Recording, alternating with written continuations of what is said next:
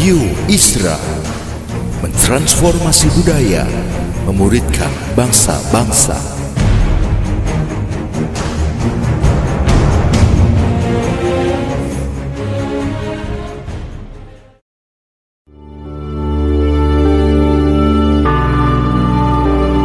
Apostolic Prophetic Messages mengungkapkan pesan dan arahan dari hati Tuhan bagi gerejanya demi menuntaskan mandat kerajaan Allah di Indonesia dan bangsa-bangsa. Selamat mendengarkan.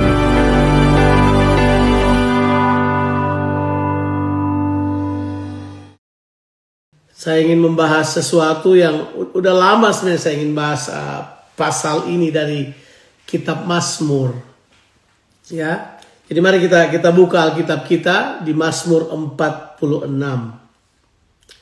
Uh, Mazmur 46 itu ada 11 ayat kira-kira. Kita akan membaca semuanya Mazmur ini. Apa-apa kita baca aja. Terus kemudian kita akan lihat apa yang Tuhan mau sampaikan buat kita. Sudah beberapa waktu sih sebenarnya saya ingin ingin menyampaikan ayat-ayat ini karena ada ada hal yang istimewa. Secara khusus nanti sudah akan lihat di ayat yang ke-10 ya. Di ayat yang ke-10 ada uh, ada statement yang kita sudah tahu. Sudah masih ingat lagu ini? Be still and know that I am God. Be still and know that I am God. Be still and know that I Itu dari itu cuma sepotong aja kata-katanya, tapi itu punya makna yang luar biasa sekali. Ya, mari kita membaca dari Mazmur 46. Allah kota benteng kita untuk pemimpin biduan dari Bani Korah dengan lagu Alamot atau nyanyian. Allah itu bagi kita tempat perlindungan dan kekuatan. Sebagai penolong dalam kesesakan sangat terbukti. Sebab itu kita tidak akan takut. Sekalipun bumi berubah. Sekalipun gunung-gunung goncang dalam laut. Sekalipun ribut dan berbuih airnya. Sekalipun gunung-gunung goyah oleh geloranya. Kota Allah kediaman yang maha tinggi. Disukakan oleh aliran-aliran sebuah sungai. Allah ada di dalamnya. Kota itu tidak akan goncang. Allah akan menolongnya menjelang pagi. Bangsa-bangsa ribut, kerajaan-kerajaan goncang. Ia memperdengarkan suaranya dan bumi pun hancur. Tuhan semesta alam menyertai kita. Kota benteng kita ialah ya Allah Yakub. Pergilah, pandanglah pekerjaan Tuhan yang mengadakan pemusnahan di bumi. Yang menghentikan peperangan sampai ke ujung bumi. Yang mematahkan busur panah menumpulkan tombak, membakar kereta perang dengan api. Diamlah dan ketahuilah bahwa akulah Allah. Aku ditinggikan di antara bangsa-bangsa, ditinggikan di bumi. Tuhan semesta alam menyertai kita. Kota benteng kita ialah Allah Yakub. Wow, membacanya memberikan semangat yang luar biasa. Tapi saya mau kita kita konsentrasi pada pada ayatnya yang ke-10. Konteksnya ayat 10 ini cuma mau diberitahukan buat kita begini. Tuhan masih memegang kendali dalam kehidupan ini. Kita tidak perlu takut apa pun sebab Tuhan tetap pegang kendali. Jadi ada dua kata yang dipakai di situ kan. Be still and know. Diamlah dan ketahuilah. Nah ini dua-dua kata ini penting sekali. Kita kita jelaskan dulu akar katanya kemudian kita akan run through perlahan-lahan uh, pasal 46 ini. Diamlah dan ketahuilah. Kata diamlah itu kata be still itu dalam anehnya dalam bahasa dalam bahasa Ibraninya itu menggunakan kata uh, akar kata rafa. Masih ingat kata rafa? Biasa disandingkan dengan apa itu? Jehovah Rafa. Masih ingat ya? Masih ingat kata itu. Nah, jadi jadi kata kata yang dipakai di sini be still itu ada dalam konotasi ini. Rest to recover. Itu kata yang dipakai. Rest to recover. Be still. be still, tenang, diam untuk recover. Ya, sebab kata Rafa itu uh, bukan cuma diam biasa, tapi diam untuk recover, diam to gain strength, untuk menarik kekuatan. Itu kata be still dari kata akar kata Rafa. Tentu sudah tahu uh, uh, konteks di mana kata Rafa muncul ya, sudah tahu ya. Itu ada di keluaran pasalnya yang ke uh, pasalnya yang ke-15 kalau tidak salah ayat 22 sampai ayatnya yang ke-29. Ada tujuh ayat yang menceritakan itu itu adalah pengalaman bangsa Israel yang uh, minum air dan pahit masih ingat cerita itu. Kemudian mereka mengeluh. Nah, sebenarnya saudara mesti tahu ya, kata Jehovah Rafa itu itu tidak hanya berbicara kesembuhan pada tubuh, tapi sembuh pada bukan pada sakit mentalnya, tapi saya pakai kata ini, sakit mentalitas bangsa Israel. Bangsa yang suka mengeluh, ya. Jadi kita kita juga begitu, kita jangan menjadi bangsa yang suka mengeluh, ya. You know, it's uh, pernah ada di kamus uh, murmuring uh, uh, murmuring salt, garam tidak pernah mengeluh, ya. Tidak ada istilah itu. Jadi kita dilarang mengeluh, tapi yang yang dimaksud di sini adalah orang kadang-kala bisa mengeluh kalau dia mengeluh itu itu tanda ada yang sakit di dalam, ada ada mentalitas yang gak sehat. Nah, konteks Jehovah Rafa ada di situ. Akulah Allah yang menyembuhkan kamu, akulah Tuhan yang menyembuhkan kamu. Itu konteks sambil berkata kalau kamu ngeluh terus berarti kamu masih di Mesir. Dan Tuhan berkata, sekarang aku akan menjauhkan semua penyakit yang aku berikan di Mesir. Nah, kata diam di sini itu adalah saya ulangi lagi kata dia punya pengertian uh, itu adalah uh, kita ada dalam kondisi rest to recover itu kata dia rest to recover kita tenang kita sampai pada titik di mana kita bakal dipulihkan. Stop dulu sebentar. Saya mau kita setup kita punya mind dulu pada apa yang sedang kita hadapi. I know some of us in our mind Beberapa kita di pemikiran kita tetap ketakutan, beberapa orang frustrasi, marah karena karena rencananya tidak menjadi kenyataan.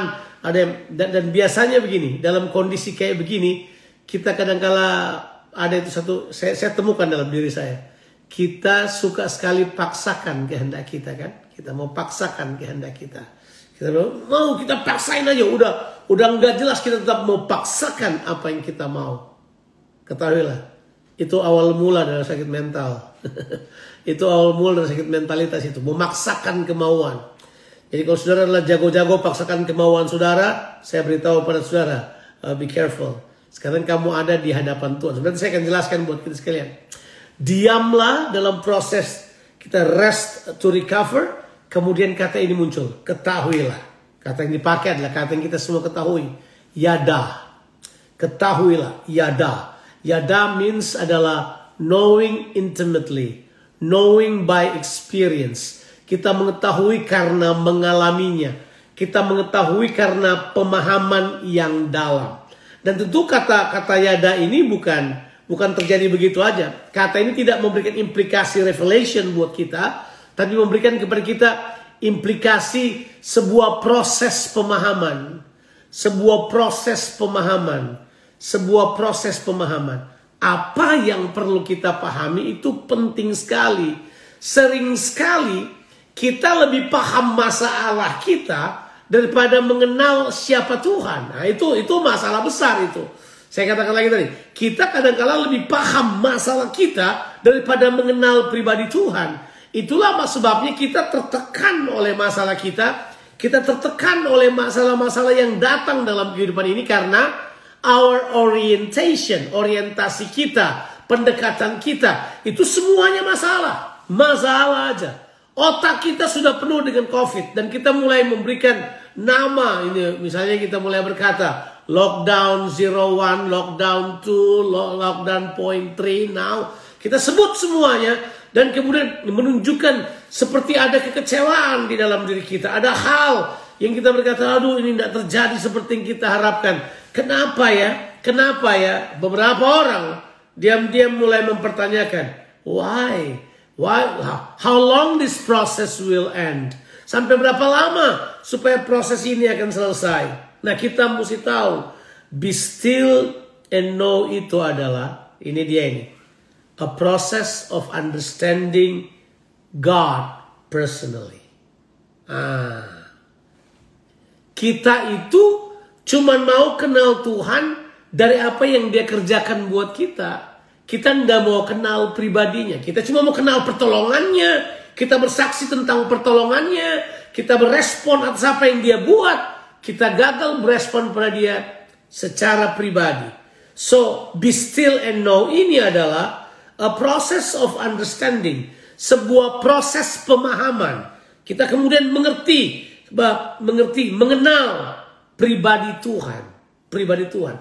Baru kemudian jalan-jalannya. Coba saya mau kita kita kita, kita lihat dulu uh, ayat 1 sampai ayatnya yang ke-11. Mazmur pasalnya yang ke-46. Saya suka sekali. Saya berusaha untuk kenali siapa itu Bani Korah. Ya, nggak banyak nggak banyak yang tahu siapa itu Bani Korah. Ternyata Bani Korah itu adalah imam penjaga pintu. Jadi dia cuma imam penjaga pintu. Kalau saudara masuk, nah nama Korah kita tahu ada beberapa nama Korah di Alkitab. Bahkan beberapa penafsir mengatakan Korah ini adalah keturunan dari orang-orang, masih ingat nggak? Bani Korah, masih kita bilang Bani Korah, saudara ingat apa? Ini orang-orang yang memberontak terhadap uh, terhadap Musa, masih ingat mereka memberontak terhadap Musa Kemudian mereka memberontak terhadap Musa, mereka menyerang Musa. Ya, tapi kemudian apa yang terjadi? Padahal sudah tahu kan waktu itu langit, ah, sorry, tanah terbelah. Kemudian mereka ditenggelamkan dalam tanah itu itu Korah. Saya cari tahu arti nama Korah. Korah ini artinya apa? Ternyata Korah itu adalah artinya tahu nggak? Botak, gundul. uh, kita ketawain, padahal itu enggak. Itu sebenarnya the signs uh, itu uh, tanda kenaziran ya. Nazarin ya. Mereka mereka tanda uh, nazir. Mereka botakin kepala supaya mereka kemudian sadar siapa mereka apa tugas mereka. Mereka adalah hamba. Tapi karena lagu-lagu yang dia buat ternyata bagus jadi kemudian ini lagu-lagunya dipakai sebagai nyanyian untuk kemudian mengajarkan. Makanya selalu untuk pemimpin beduan dari Bani Korah dengan lagu atau nyanyian ya. Alamot itu seperti lagu yang terkenal pada waktu itu. Dia menuliskan ini semua untuk beritahukan pada kita. Satu kata yang kita perlu tahu. Tahu diri. Itu kata itu tahu diri dong. Nggak usah ribut nggak usah mengeluh. Tahu diri. Kenali dirimu. Kira-kira begitu bahasa yang dia tulis di sini dia beritahu, hey, our God is a God of strength and power. Dia tidak pernah gagal menolong kita. Udah terbukti. Itu ayat yang pertama langsung bilang itu. Allah itu bagi kita tempat perlindungan dan kekuatan sebagai penolong dalam kesesakan sangat terbukti. Sebab itu kita tidak akan takut. Sekalipun bumi berubah. Siapa yang tahu bahwa dunia ini sedang berubah. berubah sangat drastis. Gunung-gunung bergoncang di dalam lautan. Tahu gak ya? Uh, ini kan tsunami kalau gunung bergoncang dalam lautan itu. Gempa tektonik kemudian dibilang sekalipun ribut dan berbuih airnya sekalipun gunung-gunung goyang oleh gelora ini tsunami ini angin apa apa kita sebutlah sebagai gelombang yang setinggi gunung. Kemudian kita tahu tapi nggak demikian. Kalau kita sebagai kota Allah kita tidak takut dengan uh, riuh bunyinya lautan. Ada satu sungai yang mengalir sungai Allah Kemudian ayat 5 beritahukan kepada kita. God is in her midst. Tuhan ada di tengah mereka. Kota itu tidak akan goncang. Allah yang menolongnya menjelang pagi. Istilah menjelang pagi harapan. Malam adalah malam ketakutan. Ada harapan. Bangsa-bangsa ribut, kerajaan goncang. Ia memperdengarkan suaranya dan bumi pun hancur. Kemudian kata ayat yang ketujuh. Dua kali statement ini diulang. Kalau menurut uh, penyair lagu, ini kayaknya referennya deh. Tuhan semesta alam menyertai kita. Kota benteng kita ialah Allah Yakub. Ayat 7 itu muncul, ayat 11 muncul lagi. Itu dua dua kali kata itu muncul. Kemudian diikuti dengan kata sela. Tahu artinya sela? Sela itu artinya begini. Rethink. Pikir ulang. Renungkan. Contemplating on it. Pikirkan. Meditate on it. Ulangi. Ulangi. Pikirkan ulang. Bahwa Tuhan kita itu ada dengan kita. Tidak perlu takut. Tidak perlu gentar. Ternyata kita kita sudah tahu kan. Tuhan ada dengan bangsa Israel aja mereka mengeluh. Bayangkan. Karena berarti begini. Realita dan kenyataan iman kita itu bisa dua hal yang berbeda. Bisa jadi. Bisa jadi kita hanya mengaku dengan mulut kita ya. Orang-orang orang percaya kan bisa punya dua bahasa kan? Di gereja nyanyi haleluya puji Tuhan begitu keluar hujan gerimis saja langsung berkata sialan lo. Bayangkan di dalam baru haleluya keluar sudah sialan bayangkan. Di dalam baru lompat-lompat kegirangan di luar semua kata keluar dari mulut kita. Karena kita nggak mengerti realitanya. Kita nggak ngerti. Nah di sini kemudian diberitahukan buat kita ayatnya yang ke-8. Setelah mengenal pribadi Tuhan. Baru ayatnya yang ke-8 bilang ini. Pergilah, pandanglah pekerjaan Tuhan. Ya, yang mengadakan pemusnahan di bumi. Yang menghentikan peperangan sampai ke ujung bumi. Yang mengatakan busur panah menumpulkan tombak, membakar kereta, kereta perang, dan api. Seringkali tahu nggak? Kita itu seperti ditelan oleh keperkasaan bangsa ini dan bangsa itu. Kita seperti ketakutan, seperti seperti uh, misalnya logik aja. Dialog-dialog kita soal Amerika lawan Cina, Cina lawan Amerika. Kita seperti pelanduk mati tengah kita mau berpihak kepada siapa. Nanti siapa yang akan memimpin dunia ini. Come on! Our God still in the throne. Hal tersebut tidak akan mempengaruhi Tuhan kita sama sekali. Oke, okay, bisa kelihatan sulit, bisa kelihatan mereka yang kuasai perdagangan. Sementara Pak, sementara seperti itu. So, nanti saya mau kita kita lihat beberapa aspek pribadi tentunya. Tapi kita bisa saja uh, ikut terlibat berkata-kata dan seterusnya. Jadi kemudian Tuhan berkata begini, diamlah dan ketahuilah Be still and know that I am God. Yang pertama, aku akan ditinggikan di antara bangsa-bangsa. Aku akan ditinggikan di atas bumi ini. Wow. Wow. Be still and know that I am God. I will be exalted among the nations, among the Gentiles. I will be exalted in the earth. Ini ini ini kata penting sekali. Nah, saya mau saudara memperhatikan sekarang ini. Kalau saudara di dalam hati saudara ada keluhan, ada kemarahan, ada semuanya, ya kan? Saya tanya pada diri saya, ada nggak sih keberatan? Iya ada, ada. Jujur ada. Salah satunya adalah kaki gatal saya mau terbang pergi ke mana-mana, mau pergi ke Indonesia karena di sana ada pelayanan ada dan apa yang saya rencanakan, apa yang saya ucapkan di depan orang kira-kira ini, kira-kira ini saya harus tarik perkataan itu. Saya sekarang cabut dan dengan menyesal. Saya harus berkata, saya salah. Tuhan, saya salah. Tuhan, saya nggak bisa. Oh kita sudah berencana ini, berencana itu, kita sudah buat ini, sudah buat itu. When that not happened, kita kemudian terpukul di dalam kita, ada kekecewaan. Dan biasanya manusia yang tidak terbiasa mengakui kelemahannya akan menyalahkan Tuhan.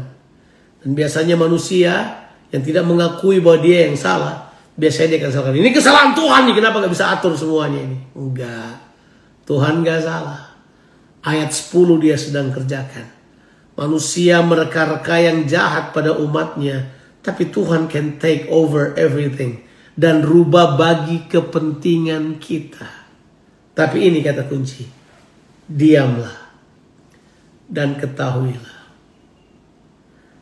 Coba lo kata ini, diamlah. Kata diam ini penting. Diam ini bukan hanya silence. Ya bisa jadi silence tapi be still itu punya arti ya. Be still itu dalam bahasa Itu kan saya sudah bilang tadi, Rafa. It- Rest to recover. Mental kita yang kemudian jadi tenang dan teduh. Be still. Apa? Secara personal, apa yang harus kita buat? Waktu kita dalam keadaan be still. Number one, acknowledge your limitation. Kita mengakui keterbatasan kita. A time to be you before God. A time to say, God, I don't know anything. Oh, saya baca berita ini, saya sok tahu ngomong ini, saya belagak tahu bilang ini. Seolah-olah apa yang saya katakan benar, saya berusaha meyakinkan orang bahwa virus ini, if ini ini, vaksin ini, pandangan ini. Saya berusaha untuk mengatakan saya tahu. Well, let me tell you, what you know probably it's not what God wanted you to know. Ya, mungkin bisa jadi, bisa jadi. Sebab itu kan terjadi sama Ayub kan? Masih ingat Ayub? Kitab Ayub itu dari pasal 3 sampai pasal 37 itu berisi pandangan manusia tentang Tuhan, dialog manusia tentang Tuhan. Sampai pasal 2 dan pasal 3 ayat 10, Ayub tidak bersalah dengan perkataannya, tapi selebihnya karena dia banyak bicara, dia banyak berkata-kata yang menurut Ayub sendiri adalah apa yang tidak keluar dari pemahamannya secara personal, dia sudah berkata-kata begitu banyak sehingga yang terjadi adalah dia berkata di ayatnya ke-6, ayat 42 ayatnya ke-6, aku menarik perkataanku. Terjemahan bahasa Inggrisnya abhor. Saya sampai harus cek di di kamus abhor itu apa itu bukan kata biasa. Itu kata yang sudah jadi kuno kayaknya itu. Abhor mirip sama yang namanya contempt. Aku menganggap diriku nggak layak sebenarnya itu. Aku tarik perkataanku. Perkataanku salah, perkataanku nggak masuk akal. Kita udah ngomong semuanya, udah tweet, udah Twitter, udah semuanya salah. Tarik kembali. Tuhan lagi berperkara dengan kita sekalian. Tuhan berkata begini, hey, acknowledge your limitation. Kamu terbatas, men. Pengetahuanmu juga terbatas. A time to say, God, you are the one. Engkau yang tahu. Jadi acknowledge your limitation itu asiknya adalah begini. It's time to let go and let God. Sudah tahu kata itu kan? Kita sering gunakan itu. Let go and let God. Udah, serahkan. Jadi kamu nggak usah pikul lagi. Let go and let God. Ini bukan kesera-sera. Bukan. Ini bukan kalau terjadi, terjadilah. Bukan. Ini bukan soal kesera-sera. Ini soal memahami kepada siapa kita mempercayakan diri kita. Memahami kepada siapa kita beriman dalam situasi seperti sekarang. Kita berkata, let go and let God. A time to be you before God.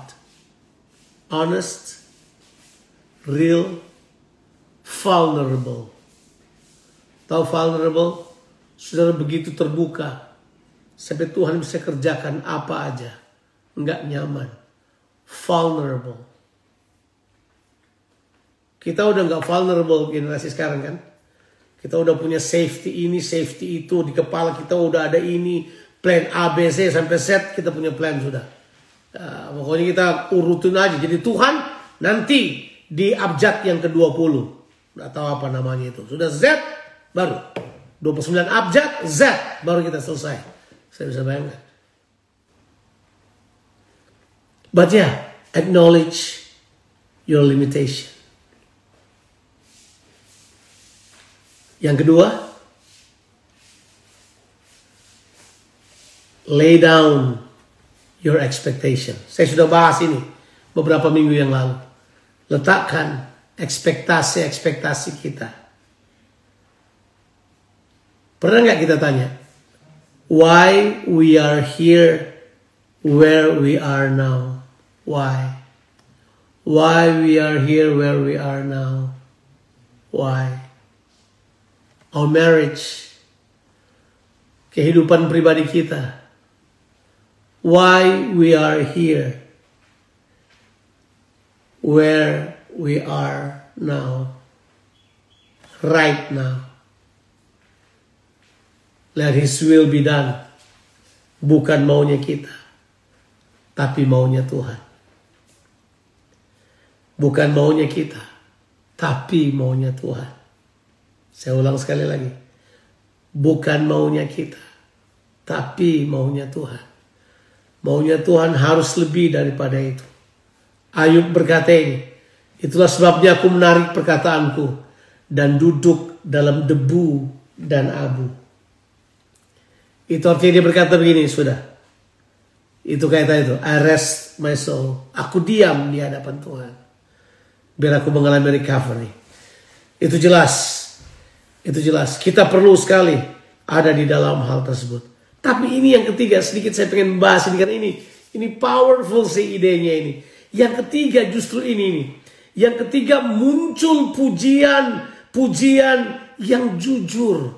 Pujian penyembahan yang jujur. Yang kita sebut pujian penyembahan sebagai korban. Tuhan saya terluka tapi saya memuji engkau. Tuhan saya sakit tapi aku mau menyembah engkau. Tuhan I have a broken dream but I want to worship you. Tuhan saya tidak bisa bikin apa-apa tapi saya tetap mau menyembah engkau. Honest praise. Honest worship. Pujian sebagai korban kepada Tuhan. Kita susah memang memuji Tuhan kalau kita punya kita punya mimpi-mimpi tidak menjadi kenyataan. Orang-orang yang kita kasih dipanggil Tuhan. Orang-orang yang dekat dengan kita menjadi jauh dari kita. Susah. Siapa bilang gampang? Susah pak. Tidak gampang. Tidak ada yang mudah di situ. Tidak ada. Kalau ada yang bilang, oh saya langsung. Enggak. Saya juga tahu tidak gampang. Sering sekali ketika orang dalam keadaan kesusahan kita mau cepat-cepat mengatakan sesuatu. Saya selalu diam. Saya tidak mau tweet, saya tidak mau bilang apa-apa. Saya diam aja dulu, tunggu sebentar. Let God speak to them. Biar kita izinkan Tuhan berbicara pada kita, pada situasi kita. Tapi kita terlalu cepat ngomong kan. Ya kita semua seperti Ayub lah. Sok tahu, sok kuat. Itu dua kata kita punya. Ya, sudah sok tahu, sok kuat. Tidak. Tapi kita nggak berdaya. Tapi ini, honest praise and worship. Saya tiba-tiba ingat aja, hampir 30 tahun yang lalu, atau 30 tahun yang lalu tepatnya, saya, saya sudah gini-gini saya dulu pernah jadi pengajar itu tuh, Tabernakel Daud, ngajar-ngajar pujian penyembahan di zamannya 30 tahun lalu. Sekarang udah nggak bisa nyanyi. Dulu saya memulai pelayanan saya sebagai pemimpin pujian gitulah. Saya jadi waktu dulu orang masih kenal kata director of music di sekolah teologi Tawangmangu jadi saya jadi ya di zaman zaman itu saya mengajar ada tujuh tiba-tiba saya baru ingat tadi pagi. Ada, ada tujuh kata praise kan? Ada tehila ada syabah itu kan? Ada ada ada, ada tujuh kata itu. Saya saya malah uh, lihat-lihat catatan saya. Ada nggak ya uh, uh, apa tujuh kata itu saya saya apa baca-baca dan memang ada saya lihat-lihat di di catatan-catatan saya masih ada tuh. Ada tujuh kata. Kemudian saya ingat salah satu dari tujuh kata itu kan.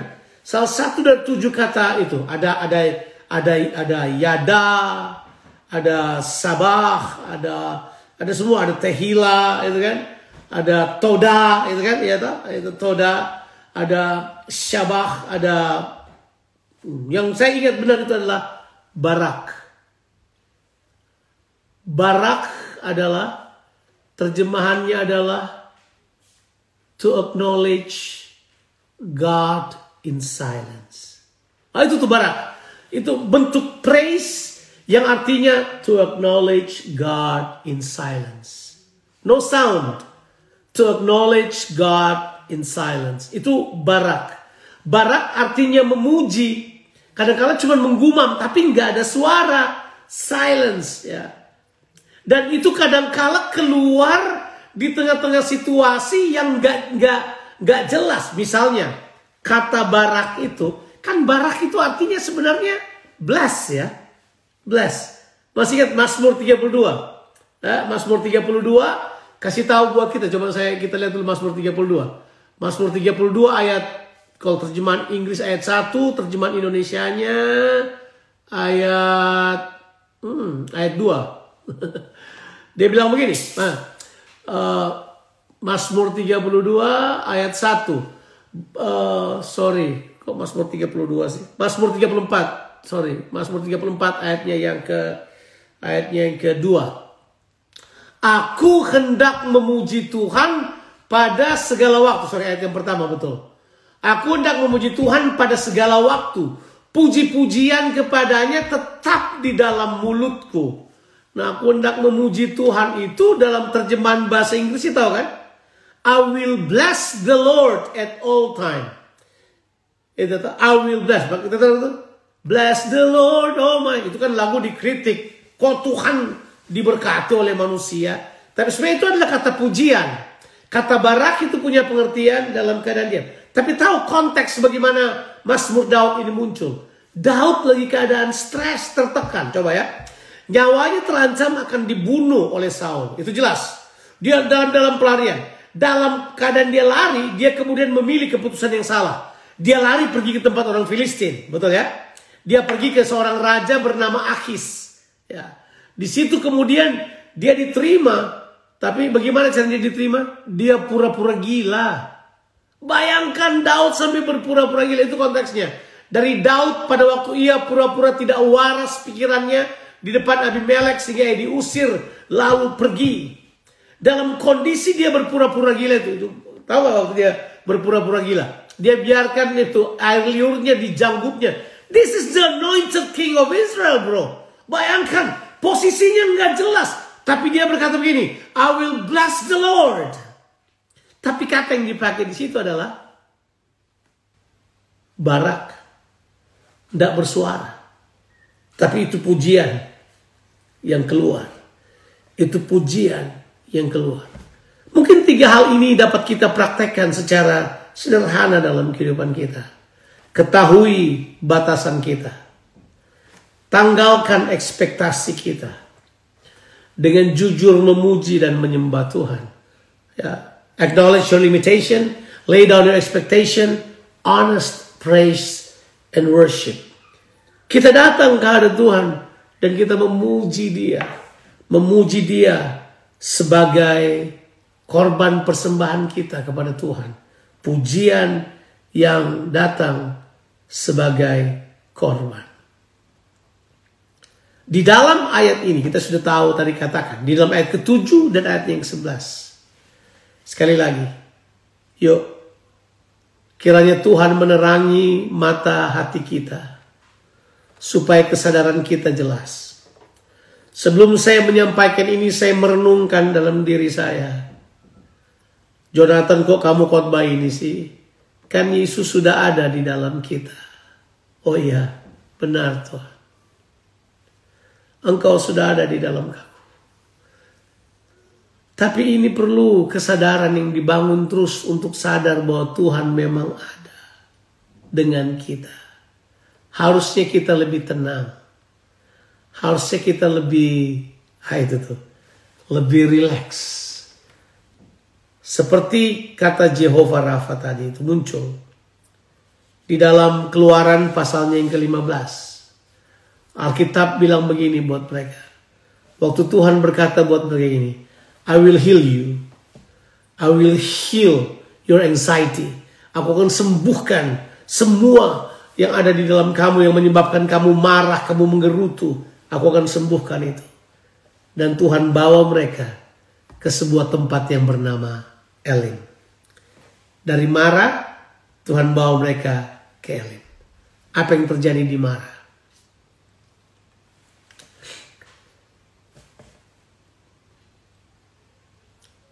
Waktu dalam keadaan diam, pernahkah kita contemplate bahwa semua pergumulan, semua yang kita hadapi ini, semua sudah dilewati oleh Yesus Kristus.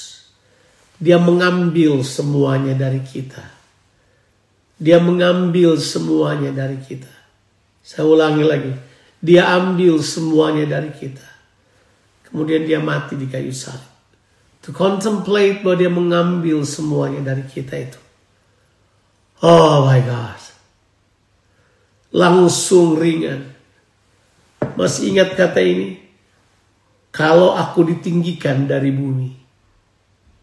Yohanes pasalnya yang ke-12, ayatnya ke-33 dan ke-34. Aku akan menarik banyak orang datang kepadaku.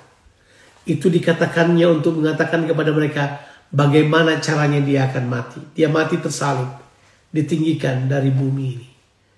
Saya mau kita contemplate apa yang Yesus sudah kerjakan dalam kehidupan kita. Ya, kita sadar dong. Kembangkan kesadaran kita. Dan ya, tidak ada yang bisa tolong orang untuk paham sesuatu sebenarnya. Kecuali terang dinyalakan dari dalam. Ada banyak orang jenius di dunia ini. Ada banyak orang yang tahu informasi di dunia ini. Tapi yang Tuhan mau kita miliki adalah apa? Hati kita diterangi dari dalam. Sesuatu yang bercahaya di dalam kita. Yang menerangi pemikiran kita. Menerangi mata kita. Untuk berjalan dalam jalan jalan Tuhan. Be still and know that I am God. I will be lifted up above. I will be lifted up among the nations. I will be exalted in the earth, says the Lord. Kiranya perenungan yang sederhana ini bisa menolong kita untuk kembali tenang. Jangan mengeluh, jangan mengerutu. He is in control. Tuhan memberkati kita sekalian. Haleluya. Amin.